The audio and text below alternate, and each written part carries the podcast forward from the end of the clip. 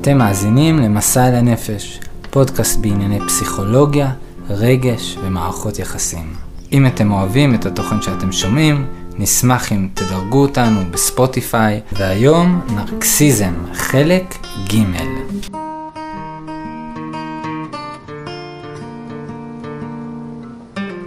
אהלן, אז אנחנו בפודקאסט השלישי שלנו על אה, נושא של נרקסיזם, ובחלק הראשון, אני ואילן עברנו על אה, התורה של פרויד וההבנה שלו של נרקסיזם, ובחלק השני ניסינו קצת למצוא מאפיינים נרקסיסטיים בנו, כן, בחיי היום יום של כולנו, מאפיינים מערכות יחסים. במערכות יחסים, וגם ראינו שאנחנו עם פרויד, כשאנחנו הולכים איתו, אנחנו קצת מגיעים לאיזושהי צומת, שגם אנחנו וגם בעקבות כמובן תיאורטיקנים שקראנו, יש איזושהי הזמנה להתפצל מפרויד ומהתפיסה שלו על נרקסיזם, ולראות את נרקסיזם לא כמשחק סכום, סכום אפס, שבו או שאני אוהב את עצמי, או שאני אוהב אחרים. ושיש אפשרויות מורכבות יותר בסיפור הזה, והיום אנחנו נצלול יותר לעומק של הנושא הזה, אנחנו קודם נתחיל עם אריך פרום, ואז נעבור לעוד פסיכואנליטיקאי בשם היינס קוט. אז שלום אילן. שלום עקיבא, אני מרגיש שאנחנו ממש באמצע, באמצע המתח. אני מקווה שגם מאזינים שלנו באמצע המתח. כי באמת הגענו ל... גם קצת מבוי סתום בפרויד שטוען שאי אפשר לטפל ב... באדם עם הפרעת אישית נוקסיסטית, שזה משהו שהוא מאוד קשה. Mm-hmm. וגם קצת מבוי סתום בדיכוטומיה הזאת שתיארת, שאו-או. Mm-hmm. ואנחנו נפתח בהוגה שאני חושב שאולי זה ההוגה. הראשון שפגשנו יחד. Mm-hmm. נכון? לפני 20 שנה? אה, 18 נכון, שנה? נכון, זה ההתחלה של הלימוד שלנו ביחד. הייתה עם אריק פרום, שאני זכיתי ללמוד אצלך במכינה קדם צבאית, ואתה לימדת את אמנות האהבה, ובאמת ספר נפלא ומאוד מטלטל, ואחד ההוגים הפסיכולוגיים הראשונים שקראתי, והפסיכואנליטים, בהבנה לאחור. אם בא לך להגיד משהו עליו, על אריך פרום? מבחינה ביוגרפית אריך פרום הוא יהודי. שהיה גם מרקע אוסטרי או גרמני, אני לא בדיוק זוכר, אבל על כל פנים מאוד משפיע בתולדות הפסיכואנליזה. הוא נבדל מפרויד במידה רבה, זאת אומרת אם פרויד שם דגש על מיניות, ואולי אדלר שם דגש על רגשי נחיתות, אז פרום שם דגש על אהבה כמניע מאוד עיקרי למה שאנחנו מחפשים בעולם.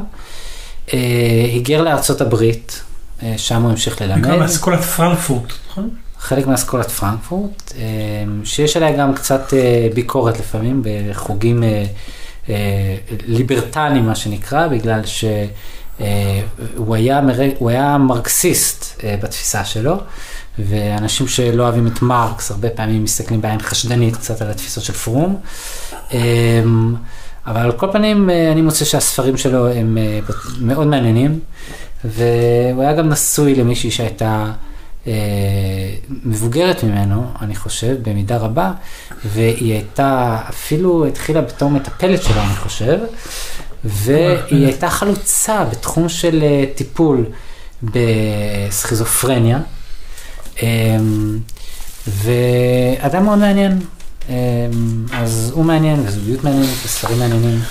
וגם אני בתור, אנחנו נפגשנו כשאתה היית בן 18 ואני הייתי 28. כן. ואז למדנו יחד את ה... באמת, שיעור כאילו שלימדתי אמנות אהבה, אבל אני גם כן בגיל 18 פגשתי את הספר הזה. וואלה. ואת אמנות אהבה, ואת אריק פרום, הוא פשוט הפך לי את החיים. וואלה. מדהים. משהו בתפיסה, בתפיסה שלו, אהבה, קשר זוגי. אפשר להרחיב בזה, אבל רק אני חייב, ל... חייב להניח את זה שזו דמות שמאוד מאוד קרובה לליבי, וגם במובן מסוים היא, אני מרגיש נקודת חיבור ראשונית שלנו. נכון, נכון, נכון. אז בתוך אמנות האהבה, יש, אחרי שיש פתיחה מאוד מאוד דרמטית שעושה היפוך בתפיסה של מה זה אהבה, הוא מתחיל לפרק את זה לכל מיני סוגים של אהבה, ויש פרק שנקרא אהבה, אהבה עצמית. Mm. והוא אומר, השקפה רווחת היא, כי אהבה לזולתי היא מידה טובה, ואילו אהבת האדם לעצמו בגדר חטא. Mm-hmm. ההנחה היא שבמידה שאני אוהב את עצמי, אינני אוהב אנשים אחרים. Mm-hmm. שאהבה עצמית נרדפת לאנוכיות. פרויד, עכשיו פה משהו ראש בראש נכנס במאמר שעליו דיברנו בפודקאסט הראשון. פרויד דן כן. באהבה עצמית בנקודת הראות הפסיכיאטרית, ואף על פי כן משפטו אינו שונה אה, משל קלווין. מי זה קלווין? הוא הוגה פרוטסטנטי אה, מאוד אה, נוקשה, מאוד נוצרי, שכנראה הדגיש סוג של, אהבה עצמית היא נגע, ככה זה התיאור. כן, מוסר, מוסרנו, מוסריות מאוד נוקשה כזאת. תפיסה דתית מאוד נוקשה. בעיני פרויד, אהבה עצמית כמוה כנרקיסיות. כיוון הליבידו כלפי עצמו. פרויד מניח כי האהבה היא ביטוי הליבידו. אך הליבידו מכוון כלפי אחרים, ולפנינו אהבה, ולפנינו אהבה? ולפנינו אהבה, יש לנו, ואז יש, זה נקרא אהבה, כן. או שהוא מכוון כלפי עצמו, ולפנינו נרקיסיזם. Mm, האהבה והאהבה עצמית מוציאות איפה זו את זו מן הכלל, ונמצא שככל שזו יתרה, כן זו פחותה. mm, כלומר, זה ממש תיאור, כאילו, יכול להיות שטחי, אבל, אבל, אה, אבל תיאור של פרויד, שמה שלמדנו אצל פרויד. כן, כן, ואני אני לא בטוח למידת השטחיות של זה דרך אגב, כלומר פרויד באמת מתאר שיש איזה משאב שהוא הולך, אה, מתחיל בתור נרקסיזם ראשוני ולאט לאט מתפשט כלפי החוצה, אבל באמת המשאב הזה הוא בסופו של דבר מוגבל, או פנימה או החוצה. מעולה. ואז הוא מטיל ספק בהנחה של אה, פרויד, כן, האם אהבה עצמית כמוה כאנוכיות, או שתיים האלה ניגודים הן? האם אהבה עצמית ואנוכיות זה זהה? האם נרקיסיזם ואהבה עצמית זה אותו דבר? ולא זו בלבד, האם האנוכיות של האדם המודרני היא באמת דאגה לעצמו? בבחינת פרט על כל סגולות השכל, הרגש, החושים, הגלומות בו? Mm, האם לא נעשה הוא, כלומר האדם נספח לתפקידו הסוציו-כלכלי? האם אנוכיותו של האדם הנרקסיסט זהה עם אהבה עצמית, או אולי היא תולדת, תולדת עצם היעדרה של זו? מהמם. האם אנחנו, קורא שחוזר שוב במשפט, האם אנוכיותו, הנרקסיזם של האדם זהה עם אהבה עצמית, או אולי היא תולדת עצם היעדרה של זו? שבעצם Mm. האנוכיות היא תוצר של חוסר באהבה עצמית. mm, כן, ואז הוא נכנס ככה ל- ל- ל- ל- לתאר את התפיסה שלו, שאנחנו נגיד אותה בשפה שלנו, אבל זה, זה כבר כאילו איזה, כמו שאמרתי, reframing של המושג לגמרי. כן, כן, פרידה מפרויד אה, והסתכלות מחדש על האפשרות שאולי אה, אהבת עצמי ואנוכיות זה לא אותו הדבר. אה, שלא רק שזה לא אותו דבר, אלא שבאמת באמת הנרקסיסט, הוא, יש לו חוסר באהבה עצמית. שזה עוד יותר עמוק. וזה קצת נוגע בנקודה שאולי דיברנו פעם קודמת, על התהייה מול הנרקסיסט, שלכאורה בן אדם, שהוא נורא נורא לא שם על אחרים, לא אכפת לו מהרגשות שלהם, אבל מרגע שהם לא נענים לצורך שלו בהערצה, משהו בדימוי העצמי שלו, או משהו בעצמי שלו, כן, מתמוטט, כן, בדיכאון או בזעם, שזה בעצם אולי קצת מצביע על מה שאריך פרום מציע, שבעצם הנרקסיסט הוא לא כזה מלא מעצמו, כמו שאנחנו חושבים, ופרויד שהניח שנרקסיסט הוא בן אדם מלא בליבידו, מופנה כלפי עצמו, מין איזה עושר פנימי ש, שמספק אותו, בתיאור של אריך פרום זה לא ככה, מתואר במישהו שהוא ממש ממש, או חסר לו אה, ערך עצמי, הוא, הוא ריקני במידה רבה. ואז האנוכיות או ההפניה של ה...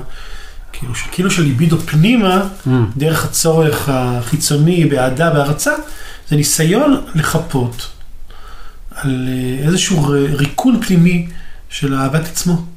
יש שם חוסר עמוק באהבת עצמו. אהבת עצמו, אומר פרום, זה, זה, מה, מה זה אהבה? אומר, אהבה זה אהבה, זה לא, זה לא, אי אפשר לחלק בין סוגי אהבות, זה אחת האמירות החשובות שלו. לא יכול שאתה אומר, אני מאוהב בך, אני משוגע עלייך, ואני לא סובל את אח שלי ולא סובל את ה... מי שאיתי בחדר. אין כזה דבר, אהבה זה כוח נפשי. כן. במובן הזה לא יכול להיות שאני אמר, אני אוהב את עצמי ואשנא אותך, כי לאהוב זה לרצות, לטפח, לדאוג, להעצים, ל- להשפיע, להוויה המהותית ש, ש, של האדם. כן. במובן הזה, זה גם לדאוג להוויה שלי, לעצמיות שלי כאדם. כן, ומפה אנחנו קצת מרגישים, יש איזה הוגה שאני מקשיב לו ביוטיוב, קוראים לו סם וקנין, שהוא טוען שהוא אה, נרקסיסט שמודע לעצמו, פרופסור סם וקנין, ויש לו המון המון סרטונים על אה, נרקסיזם. ו... וקנין, אשכרה וקנין. כן, כן, ישראלי, אבל הוא? עושה את זה באנגלית, את אה. כל הפודקאסטים שלו. על כל פנים, הוא טוען באמת שנרקסיזם, אה, צריך להבין את זה לעומק כסוג של טראומה.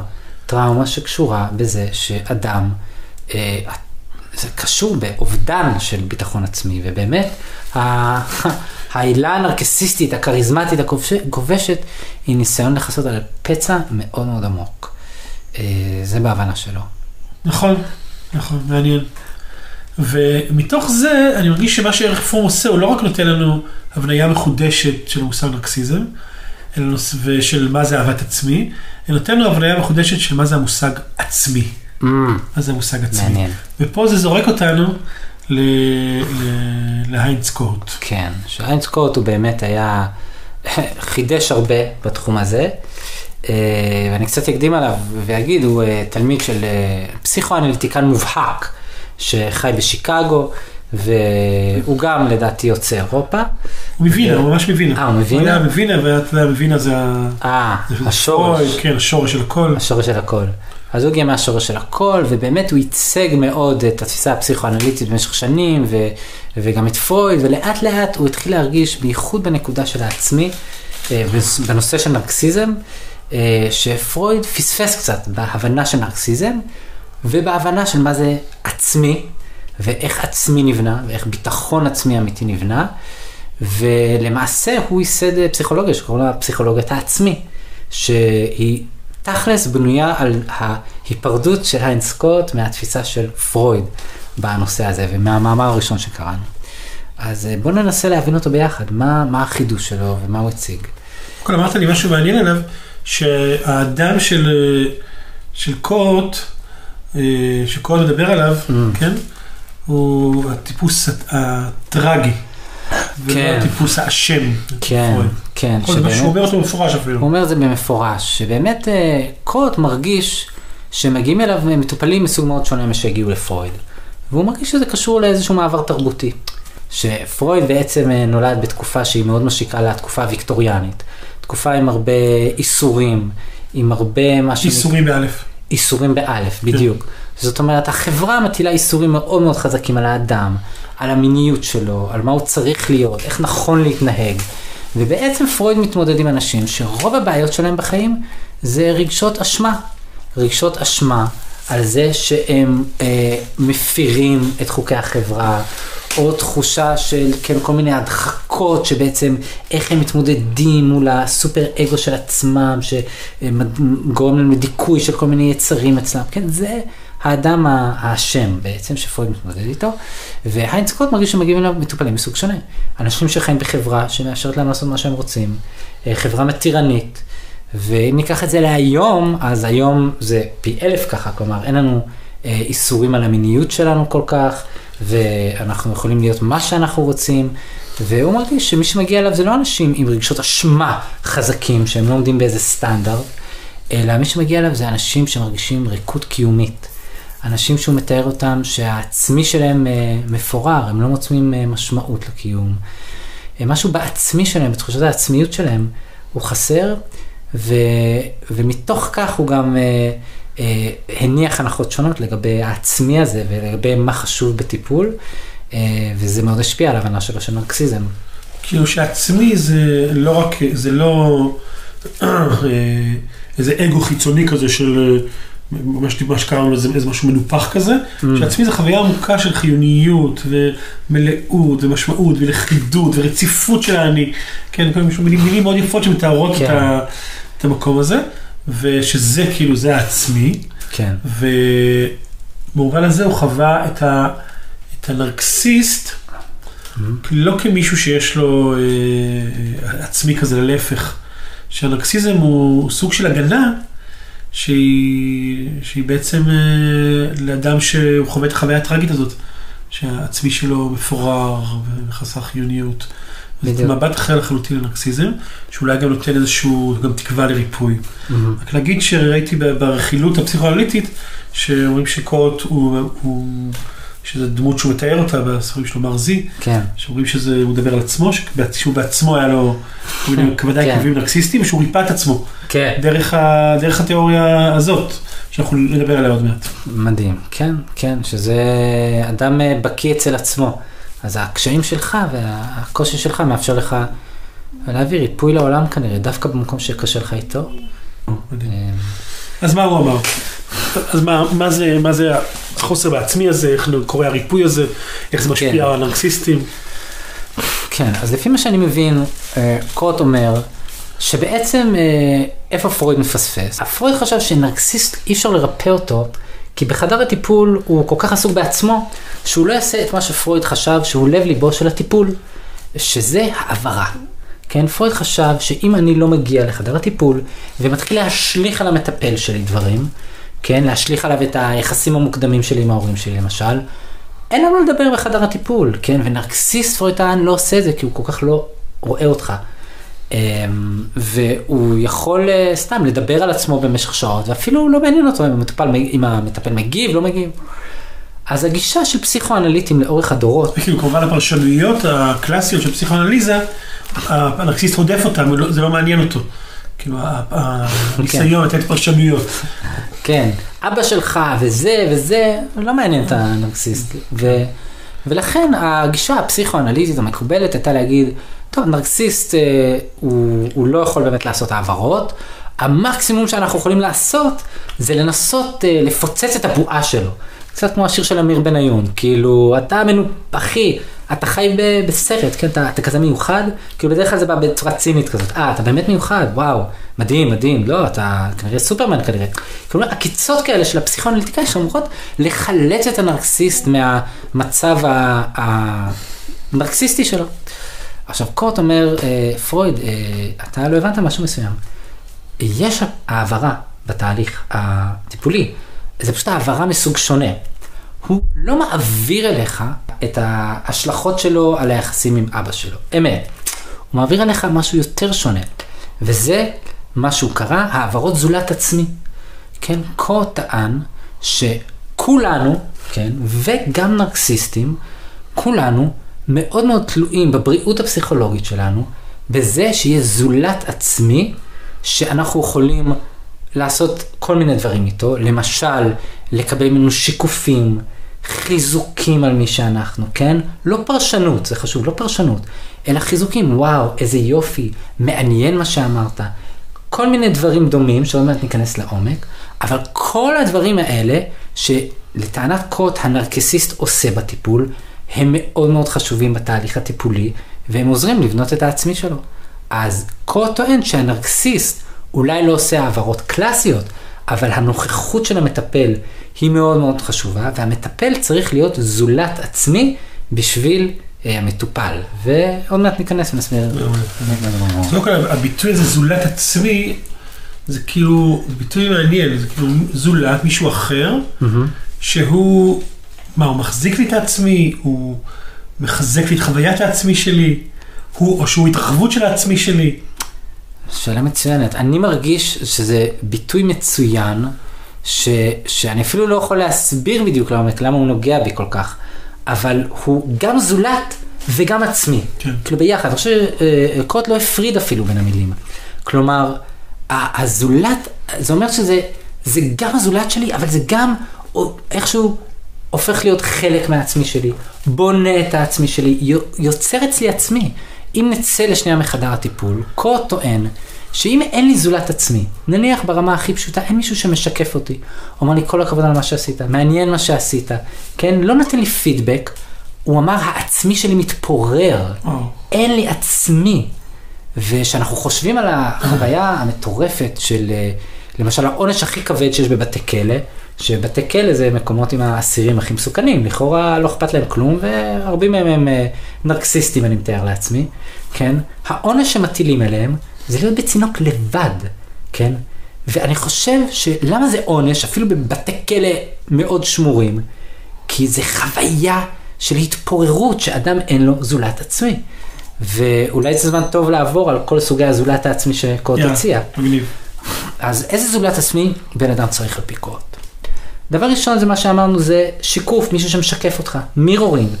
אמ, ומישהו אומר לך אה, פידבק על מה שאתה עושה, אה, פידבק חיובי, אמ, או סתם תחושה שהוא רואה אותך, כן? כן, שזה גם כאילו, אני אלך על ילד, שזה יותר קל להזדהות עם זה, Mm, שזה משהו שהוא ודאי שיש צורך בזה. mm, שאני, שהילד שלי עושה משהו, לא יודע, מצייר ציור, אני אומר, זה יפה, mm, אה, הוא אומר, וואו, אני חזק, אני אומר, וואו, אתה באמת באמת חזק. וגם אני חושב שאני גם נותן, אם אני נותן לו מירורינג לתחושות שלו. mm. אני שונא את הגננת, אני, כן, אני, אה, בא לי ללכלך פה את כל הבית. כן. אפילו אני חושב שזה זה לא רק אה, מירורינג של העצמה דווקא. בכלל זה סוג של הד. דיברנו. על אקו פה זה הד שהוא דווקא מחזק את תחושת העצמי של. הילד שלנו, שיש לו, ש- שאנחנו מהווים זולת עצמי עבורו. שאנחנו משקפים אותו בעצם, כן. כן. משקפים אותו. וואו, כן, זה נראה לי הדבר אה, הכי עמוק בעבודה עם ילדים, מאוד צמאים לזה, מאוד זקוקים לזה, וזה ממש פצע נרקסיסטי, אם אה, מישהו לא מקבל את זה. אז זה דבר אחד, כן? אה, עוד סוג של זולת עצמי שחשוב, זה מישהו שהוא דומה לך, שהוא כמוך, כן? אתה פוגש מישהו, בצבא נניח, שהוא גם בא מאותו רקע כמו שלך, כן? וזה כבר נותן לך איזו תחושה של, אה, אוקיי, משהו שהוא דומה לי, אני מבין אותו, אנחנו יכולים להזדהות איתו, כן, גם הוא אוהד הפועל, גם אני. אה, מצוין, כן? ויש רמות יותר עמוקות של זה, אבל זה עוד סוג של זולת איך. איך זה נותן תחושת עצמי, זה שיש, אני פוגש זולת עצמי, אה, תו- תואמות, נכון? זה נקרא תואמות. כן. כאילו איך זה, איך זה נותן לי חוויית עצמי, זה שאני... פו, שאלה טובה. תראה, אם אני, למשל, אוקיי, ילד בבית ספר, אני היחיד בכיתה שאוהב מוזיקת מטאל. כולם אוהבים אייל גולן. אני פוגש לא מעט אה, נערים ונערות, שכן, זה משל, כן, אבל זה משל אני חושב מאוד נכון, שגדלים בתחושה או נמצאים בסביבה שאף אחד לא אוהב את מה שהם אוהבים. Mm. הם נמצאים בחברה, כולם זרים לך באיזשהו אופן. יש משהו מאוד מבודד בזה. ותחושת העצמי, כן, על פי קוד למשל, היא עלולה ל- ל- ל- להיות מאוד מאוד תחושה של חוסר ערך במקום מסוים, חוסר ערך. ויכול להיות שאני מאוד מוזר, ויכול להיות שיש בעיה בי אפילו. הם נורמליים, אני לא. עכשיו, מגיע פתאום מישהו לכיתה, וגם הוא אוהב מוזיקת מטאל. זה זה נותן, יכול לתת בוסט מציל נפשות לפעמים. אם יש רק בן אדם אחד שהוא כמוני מתעניין במדע בדיוני, או אייל גולן, או מה שזה לא יהיה, וזה מאוד מאוד חזק, ואני חושב שבישראל למשל זה מאוד, אה, מאוד חזק, שאנחנו חברה מאוד מאוד שבטית בסופו של דבר. ויש לנו כל מיני אנשים שמרגישים אה, איפה השבט שלי, כן? מי כמוני. אה, בטח שאנחנו רואים את זה בפוליטיקה בצורה מאוד פשוטה, אני חושב, אם אנחנו הולכים לכיוון הזה, אנשים מחפשים מישהו שהוא דומה להם, ש- שאני דיברנו על. פייסבוק, פייסבוק באמת אה, הוא עוזר בזה. כן, שאתה מקבל אה, אה, דמויות שאתה אומר, אה, גם הם חושבים כמוני, גם ה- גם הפייסבוק דואג להראות לך את הדמויות האלה, כי הוא יודע- כן. שיש שם הזנה חזקה שאנחנו צריכים אותה. בדיוק. כן. עכשיו השאלה האם זה באמת הזנה נרקסיסטית, או האם זה באמת זולת עצמי, היא שאלה שקורט נוגע בה, כן? כי באמת אנחנו, אנחנו עוד מעט ניכנס וננסה להבין לעומק, מה ההבדל בין אה, אה, ההזנה הנרקסיסטית לבין זולת עצמי, שהוא באמת חשוב. אבל על כל פנים קורט רוצה להגיד שיש משהו בריא וטוב בזה שיש מישהו שהוא הוא דומה לי, וזה מחזק את תחושת זה זולת. עצמי של תואמות, שכילד זה מאוד קל לראות, גם אם זה בהורים שלו. שאומר, וואו, גם אתה, אבא אה, אה, אוהב לנסוע באופניים, Mm, כן, גם את אימא מאוד אה, אה, אה, אוהבת שמות של פרחים, Mm. להכיר שמות של פרחים. כן. יש פה משהו שהוא שהוא- הוא מחזק את חוויית העצמי Mm. דרך התואמות. כן, כן. הסוג זה השלישי של זולת עצמי, כן. זה זולת עצמי מאדיר, Mm, האדרה. כן. קצת דומה לאידיאליזציה שפרויד ראה אותה כ... כביטוי של, כהגנה, כן? אז דווקא קורט אומר, כן, אידיאליזציה, כן, למה לא? ההדרה. ממש, ובחדר הטיפול זה היה מאוד אה, ברור, זאת אומרת, אם מטופל מגיע, ובאופן טבעי הוא מעריץ את המטפל שלו, חושב שהוא וואו, יודע הכל וחכם. טיפול פסיכואנליטי קלאסי, רוצה להוציא את המטופל מה, מהסרט הזה, כן? כי הוא... כל המציאות. ו- כל המציאות, כן, אני כמוך, וכן, גם אני הולך לשירותים, ומה מה אתה רוצה, כאילו, אני, אה, אני חכם, כן, כן. אתה משליך עליי, כאילו, אולי אתה היית רוצה להיות חכם, כל מיני פרשים כאלה. וכל הזמן, לא, זה צורך בריא ונורמלי, שאתה פוגש מישהו שהוא גבוה בעיניך, משמעותי בעיניך, כן, זה נותן לך תחושת ביטחון טובה. אתה אמרת ילד מול הורים, זה יכול להיות גם uh, מטופל אצל מטפל, גם שיש לנו לפעמים מורה דרך בעולם, מורה דרך uh, רוחניים מסוימים, שאולי אנחנו מרגישים שהם דמות משמעותיות עבורנו, והם גדולים, והם, יש עליהם. ואיך כן? זה מחזק את תחושת העצמי שלי? אני, כמו שאני מבין, ש, שאנחנו שואלים את זה הרי על כל אחד, איך זה נכון, מחזק את תחושת נכון. העצמי. בעצם מה שזה עושה בהבנה שלי, זה משקף לך, כל זולת עצמי, משקף לך צדדים בעצמיות שלך, שלא יכולים לבוא לידי ביטוי בלי זה. אם למשל אני גדל בבית, אוקיי? ואבא שלי הוא פרופסור לבוטניקה מאוד מאוד מפורסם, והצליח מאוד בעולם, ויש לו שאיפות, גם אני מאמין יפתח חלקים כאלה של שאפתנות בתוכי. עכשיו, אם אני גדל בבית שאין לי זולת עצמי מועדר, אולי בדל בית שאימא שלך סופרת אה, מפורסמת? בהחלט, אז זה, אתה רוצה. להגיד משהו על זה? אני חושב שזה יכול לתת אה, שתי דברים, זה גם יכול לתת הזנה נרקסיסטית, שזה מאוד צורך נרקסיסטי, להיות מפורסם, אה, להיות על במה, שכולם יכירו אותי, ואם לא, אני אפס, כן, זה חוויה נרקסיסטית. אבל אני חושב שיש גם מקום בריא, שזה משקף לי את הצדדים שבי, שהם גרנדיוזיים, ואני מסוגלות כזאת, אתה מסוגל, אתה מסוגל. להיות אימא שלי. סופרת מדהימה, אז גם אני יכול להיות כזה. גם אני יכול להיות כזה. ובאיזשהו מקום זה לדעתי מאוד בריא, כלומר אם מישהו אין לו, אין לו חוויה כזאת והוא בא ממקום אה, מאוד מוקטן, שאנשים, אין, אין, אין לי מי להעריץ, דבר ראשון אני מאמין, ש... ואני חושב, אני לא יודע אם קורות אומר את זה, אבל שאנשים תמיד יחפשו מישהו כזה. כלומר הם מתחילים בלהאדיר את ההורים שלהם, ואז ההורים נכשלים, ואז הם הולכים לאיזה כוכב רוק. כן, אבל תמיד יש את הצורך הזה. עכשיו, לבטל את זה מול עקרון המציאות, קורט אמר לא, זה חיוני שהבת שלך יהיה לה איזשהו מישהי שהיא שואפת. אלזה, זה דבר חשוב שיש את אלזה בחיים שלה. זה דבר חשוב שאימא היא, היא הכי מדהימה בעולם, וזה זה חשוב הדמויות האלה. אה, זה בונה משהו כנראה בעצמי שלנו, שגם מתפתח לקראת איזושהי גדלות מסוימת. עכשיו, בתוך התפיסה של הזולת עצמי הזה, מהסוג הזה, הוא בעצם הכשיר גם מכובע אה, אה, פסיכואנליטי את הדתיות. וואי, תסביר. הוא הוא אומר, גם, גם האדם שהזולת עצמי שלו זה אלוהים, Mm, מעניין. כן. אז פרויד ראה את זה כסוג של, כן, של... כל, כל, כל הפרשנויות, כאילו כהעברה של חסך בדמות האב, או כל מיני כאלה, או, או בעצם לופ של התסביך האידיפלי, כל מיני מקומות כאלה. כן. והוא אומר, לא, האמונה באלוהים זה זולת עצמי מאדיר. כן, שיש מישהו בחיים שלי, שהוא אינסופי, שהוא כל יכול, ואני קשור אליו, מחובר אליו, הוא אוהב אותי, ואני שייך אליו, וכן, הוא אומר, זה מחזק את תחושת העצמי שלי. מדהים, מדהים. שזה סוג של העברה, נראה לי העברה מופשטת, הוא קרא לזה, זולת עצמי מופשט, כן, נכון. כן? שזה ממש ככה, ממש ככה, ש... כמקום בריא. אוקיי, אז באמת על, על זה ש... אה, כילדים אנחנו זקוקים לזולתי עצמי כדי שהעצמי שלנו יהיה בלכידות, בחיוניות, בביטחון. זה אני חושב שכולנו מסכימים. אבל אה, קורט הוא, הוא הלך עוד צעד, והוא אמר אנחנו מעולם לא נפרדים מהצורך שלנו בזולת עצמי. אנחנו צריכים את זה כל הזמן, הדימוי שלו כמו חמצן. וואו, וואו. אז זה אומר לא רק אה, כמו ילדים, שאתה אומר זה שלב חשוב לילדים, שמשקפים אותם, אלא גם כמבוגרים אנחנו צריכים את זה. ואז עוד יותר מזה, הנרקסיסט, מה שהוא צריך, הוא צריך זולת עצמי. כי הפצע שגמר לו לנרקסיזם, Mm. זה חסך בזולתי עצמי. וואלה. ואז בעצם, בעצם העברות שהוא עושה, זה העברות זולתי עצמי. Mm.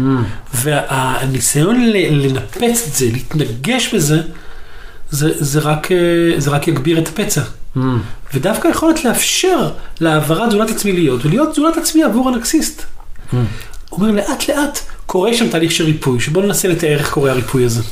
אז uh, בהבנה של קוט, uh, דבר ראשון, יש פה מצב שהמטופל הוא מתחיל אה, להפנים אותך באיזשהו מקום. אה, ואני חושב שככה זה הפנמה ממירה. לא? כן, כן. הפנמה ממירה, שבעצם אני למשל אה, מחזק אצל המטופל שלי את העובדה שוואו, זה כזה נפלא איך שאתה, כזה יש לך אומץ להביא את עצמך מול העולם, וזה הופך להיות משהו שמחזק את ההכרה, הכל אה, פנימי בהתחלה אצל המטופל, כן, ובהמשך זה אפילו יותר מכל פנימי, זה הופך להיות חלק ממנו ממש, כן, הנוכחות המטיבה הזאת של, אה, של הזולת עצמי. כן, זה קצת דומה למושג הפנמת אובייקט, אבל הוא, אני חושב שהוא יותר רחב מזה, כי הפנמת אובייקט, כן. הפנמת אובייקט זה להפנות, להפנים חלקים מסוימים, קולות כן. מסוימים, פה זה להפנים את, ה, את מה שהזולת כן. נתן לי חוויית עצמי, כאילו מבחוץ עכשיו בעצם היא הופכת להיות חוויה פנימית, חוויה של האישור, חוויה של, ה, בדיוק. של ההכרה, של, ה, של היופי שבי. בדיוק. פתאום אני, אני מתחיל להזדהות עם זה.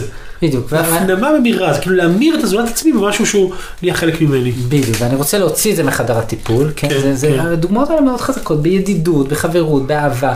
מי שאומר לך, אתה יפה, אתה מעולה, אתה מצוין, זה הופך להיות חלק ממך בעולם. אמ, אז זה הבנה אחת אה, שלי על, ה, על ההפנמה הממירה הזאת.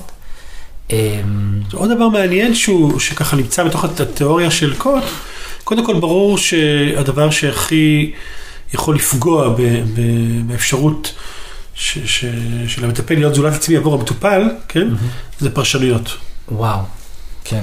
כי פרשנויות הן אה, בעצם לבוא ולהכניס את, ה, את הצד שלי ולא להיות איתך בחוויה הסובייקטיבית שלך.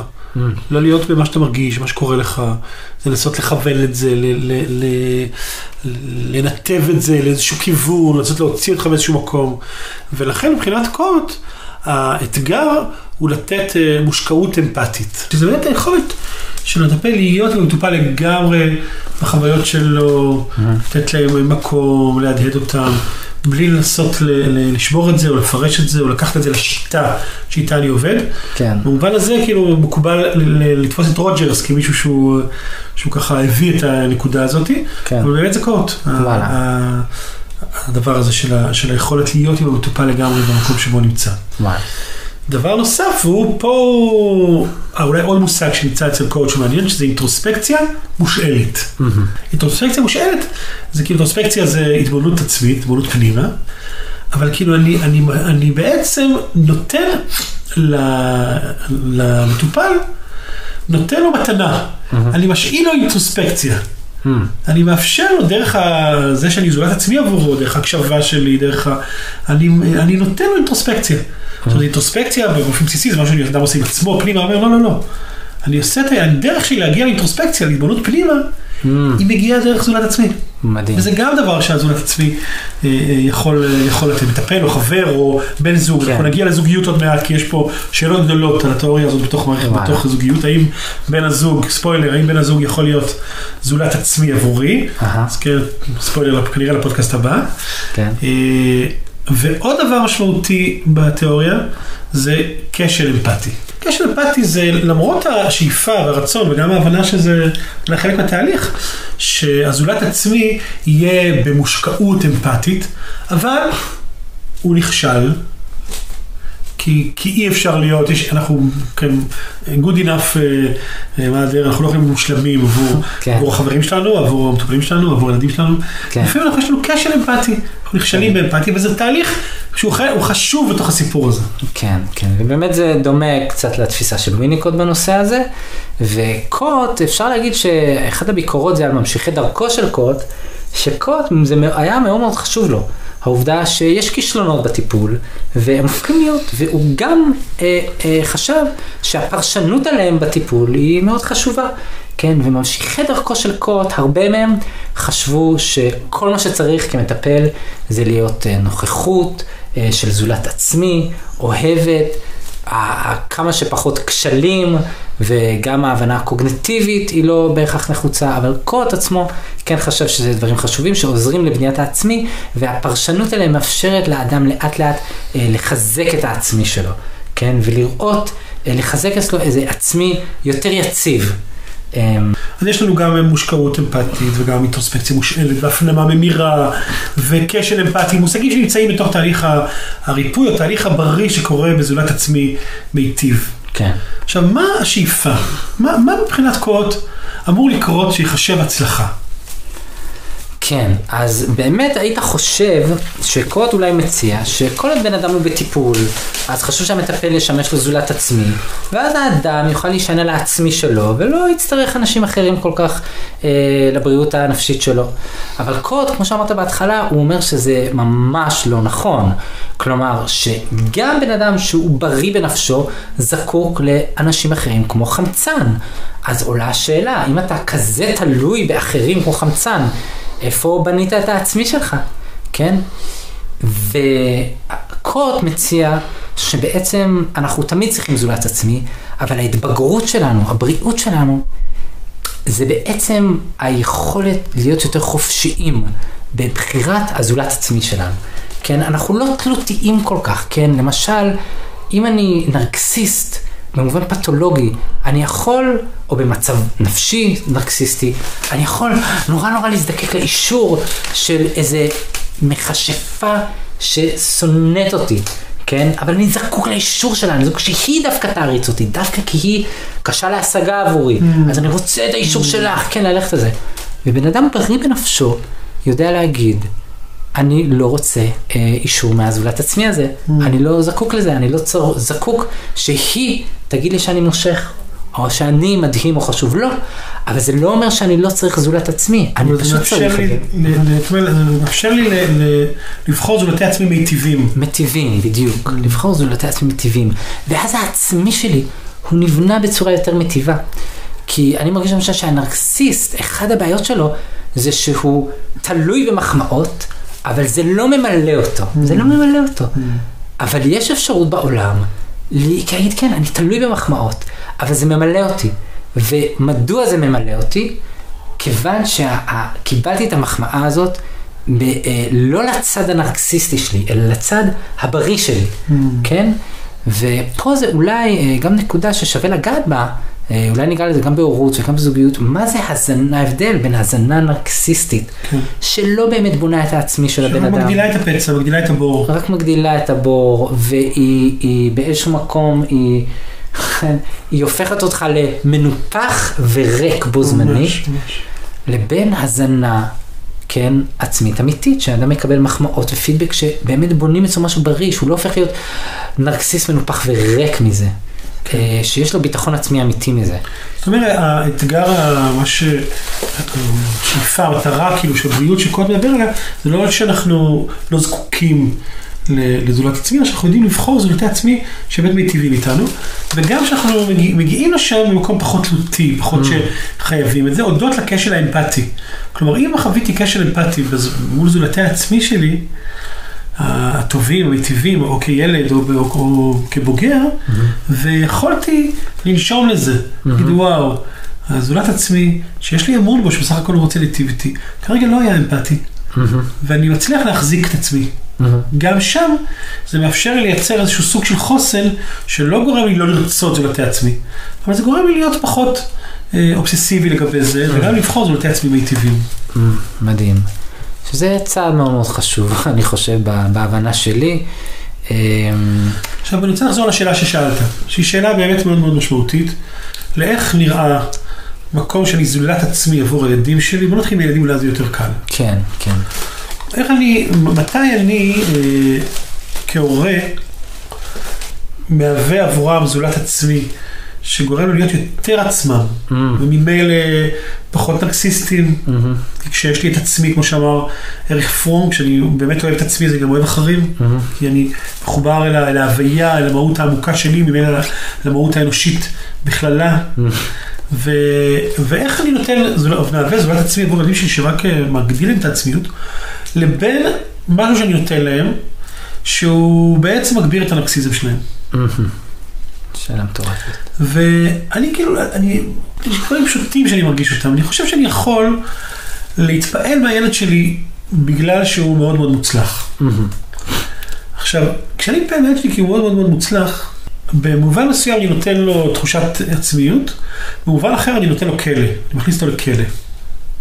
למה? כי אני משדר לו, תשמע, אתה רוצה לקבל הכרה, אתה חייב להיות מוצלח. וואלה.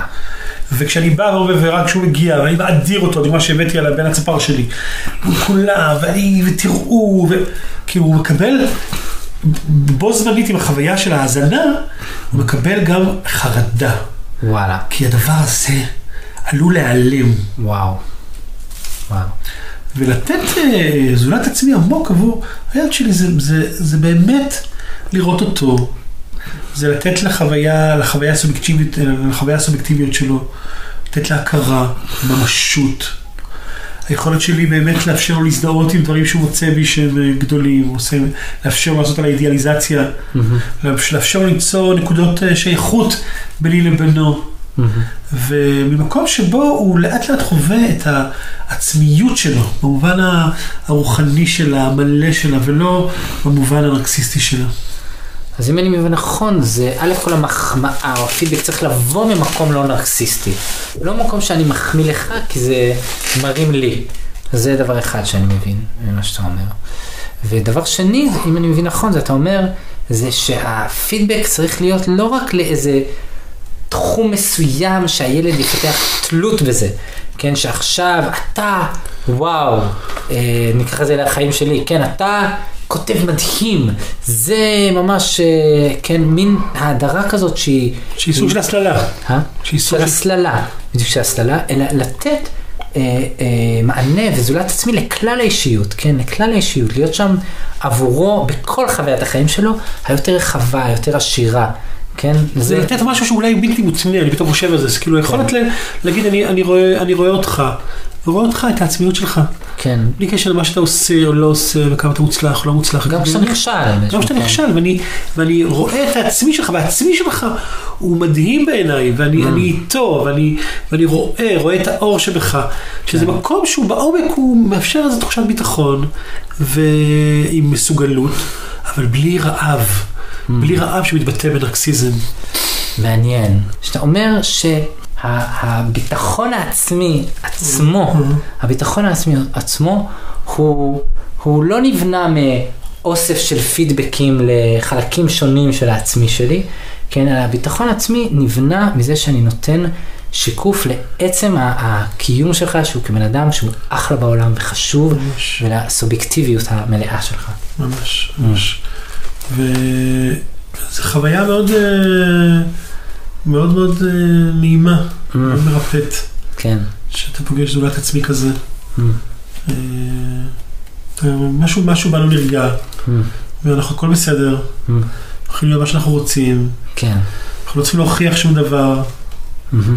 משהו, משהו לאט לאט נרגע, מהמם. ואני חושב שהיכולת לנפץ בועה נרקסיסטית, זה כאילו בעצם להגיד, אני, אני לא מנסה לנפץ אותה. Mm. אני, אני באמת מוכן להיות אמפתי לצורך הזה שלך להגיד, אני הכי טוב, אני מדהים, תראו אותי. כן. כן, אני, אני, אני רואה אותך, וואו, אני איתך. זה לא קל, זה לא קל, כי באמת באמת הנרקסיסט כאילו הוא, הוא משהו בו דוחה אותנו, כשאנחנו נמצאים במקום נרקסיסטי, ש, כן. ש, אז כאילו הוא מקרין שאנחנו, שאנחנו לא מעניינים אותו, כן. כן, שהוא, סליחה, שהוא לא, כן, שאנחנו לא, לא רלוונטיים עבורו. אני כאילו מתחבר למה שאתה אומר, אני מתחיל להבין שהנרקסיסט שהוא דורש ממנו תשומת לב, הוא דורש תשומת לב על הדבר הלא נכון. ולכן הוא לא מתמלא, כן? אבל בעומק כשאנחנו מסתכלים על נרקסיסט, אם אנחנו מסוגלים לא לתת לו את הפידבק על זה שהוא מלך הכיתה, כן? לא לאשר לו את זה, כן? אבל כן לאשר לו את זה שהוא עצמו חשוב ושיש לו חוויית. החיים שלו. חוויית החיים שלו. אז זה מרפא את הנרקסיסט, כן?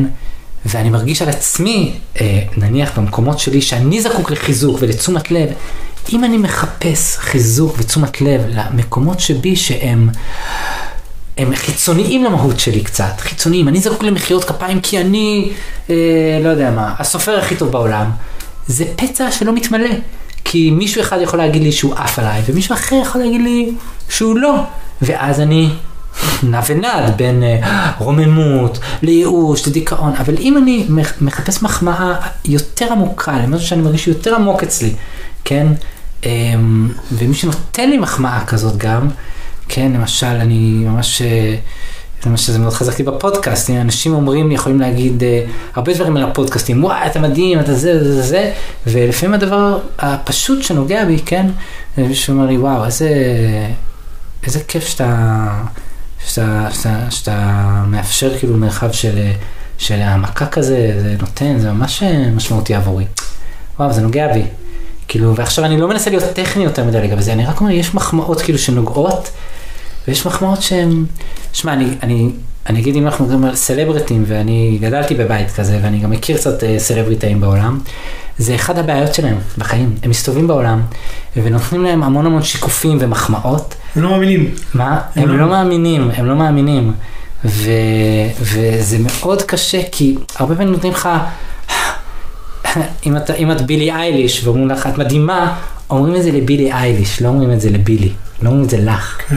ו- וזה זה כל כך אה, משמעותי, גם... אה, עכשיו, יכול להיות שיש מקום שצריך לדעת ללמוד לקבל מחמאות גם, שזה גם פצע שצריך לדבר עליו. יכול להיות שאנשים, אה, שזה סוג של הגנה גם, שאנשים לא רוצים לקבל מחמאות, כן, שזה. משהו שאפשר לפתח, אבל על כל פנים זה, זה משהו שחשבתי עליו בהקשר של מה שאמרת. מעניין. אוקיי.